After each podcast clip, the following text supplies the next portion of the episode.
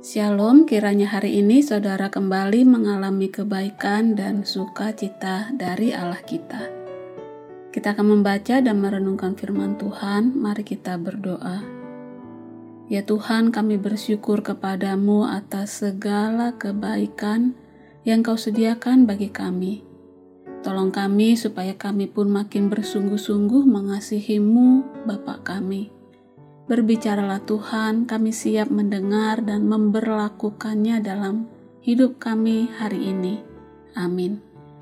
Firman Tuhan 2 Samuel 9 ayat 3 Kemudian berkatalah Raja, Tidak adakah lagi orang yang tinggal dari keluarga Saul? Aku hendak menunjukkan kepadanya kasih yang dari Allah.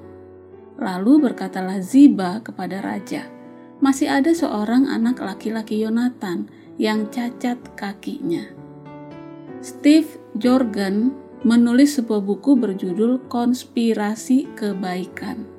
Dia memulai sebuah gereja di Cincinnati, Ohio yang tumbuh dengan pesat sampai jumlah yang hadir mencapai 7.500 orang. Moto mereka adalah hal-hal kecil dengan kasih besar mengubah dunia. Hal-hal kecil dengan kasih besar mengubah dunia. Mereka menjalankan tindakan kebaikan acak seperti membayar kopi untuk orang asing atau menulis terima kasih kepada asisten toko. Kebaikan adalah kasih yang dibalut dengan tindakan. Dengan menunjukkan kasih Allah dalam cara yang praktis, mereka telah menemukan kekuatan kebaikan untuk memberi perubahan yang positif sebagai efeknya, baik dalam hidup mereka maupun dalam hidup orang-orang di sekitar mereka. Kebaikan yang tidak terduga adalah yang paling kuat, paling dianggap tanda petik murah, dan agen perubahan manusia yang paling tak dilihat. Ketika kebaikan diekspresikan, hubungan yang sehat akan tercipta.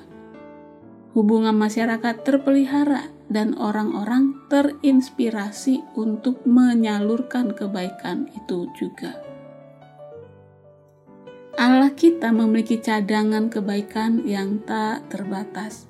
Ketika kita menunjukkan kebaikan, itu adalah cara kita mengekspresikan kebaikan Allah kepada kita dan sesama. Hal ini juga yang telah dilakukan Raja Daud kepada Mephiboset, seperti yang telah kita baca kisahnya hari ini di 2 Samuel pasal 9. Dia bertanya, masih adakah orang yang tinggal dari keluarga Saul? Maka aku akan menunjukkan kasihku kepadanya oleh karena Yonatan. Mephiboset adalah salah satu orang yang menjadi target kasih yang hendak Daud wujudkan. Saat Mephiboset baru berumur lima tahun, ayahnya yaitu Yonatan yang adalah sahabat Daud mati. Dan kini dia mempunyai seorang putra. Kebaikan yang Daud tunjukkan kepada Mephiboset seperti kebaikan Allah kepada kita, yang tak pernah gagal, tak terlihat, dan tak terbatas. Sekali lagi, Seseorang yang cacat itu karena memang kedua kakinya timpang, dia menerima kebaikan dari Allah melalui hambanya, Daud. Daud berkata, Janganlah takut, sebab aku pasti akan menunjukkan kasihku kepadamu oleh karena Yonatan, ayahmu. Aku akan mengembalikan kepadamu segala ladang Saul, nenekmu, dan engkau akan tetap makan sehidangan dengan aku kemudian kasih dan kebaikan kepada anak-anak yang orang tuanya telah baik kepada kita, ya, menunjukkannya adalah hal yang baik. Kalau hari ini kita tergerak untuk melakukan kebaikan kepada seseorang, lakukanlah itu dengan hikmat dan pertolongan Allah Roh Kudus. Jangan takut dan ragu, karena kebaikan adalah buah Roh Kudus kebaikan yang akan menyebabkan rantai peristiwa yang luar biasa, yang dapat menuntun pada pertumbuhan gereja yang menakjubkan.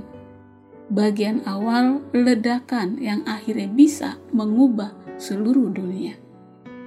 Saudara, mari kita berdoa.